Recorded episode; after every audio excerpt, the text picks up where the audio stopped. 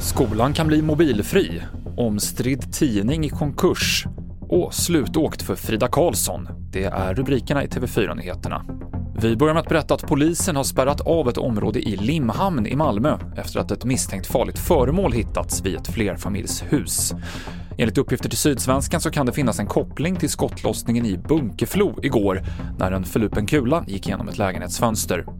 Polisen säger att det bor en person på adressen i Limhamn som är känd för polisen sedan tidigare och som man tror att det här hotet är riktat emot.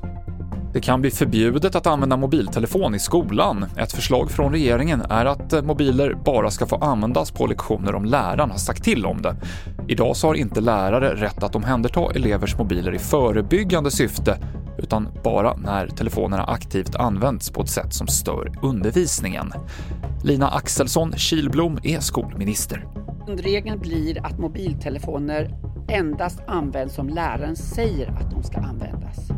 Så skapas mer tid för lärare.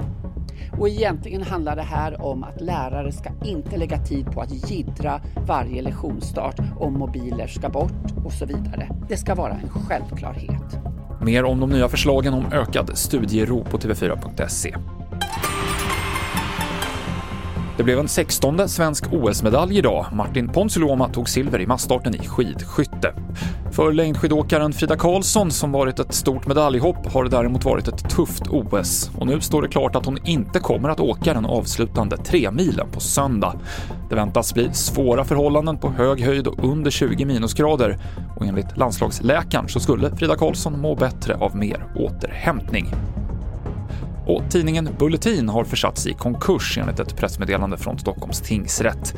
Det här sker efter att en person eh, lånat ut pengar till Bulletin som hon inte fått igen och då lämnat in en konkursansökan.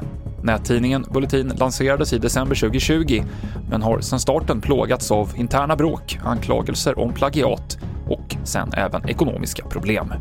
Senaste nytt finns i appen TV4 Nyheterna. Jag heter Mikael Klintevall.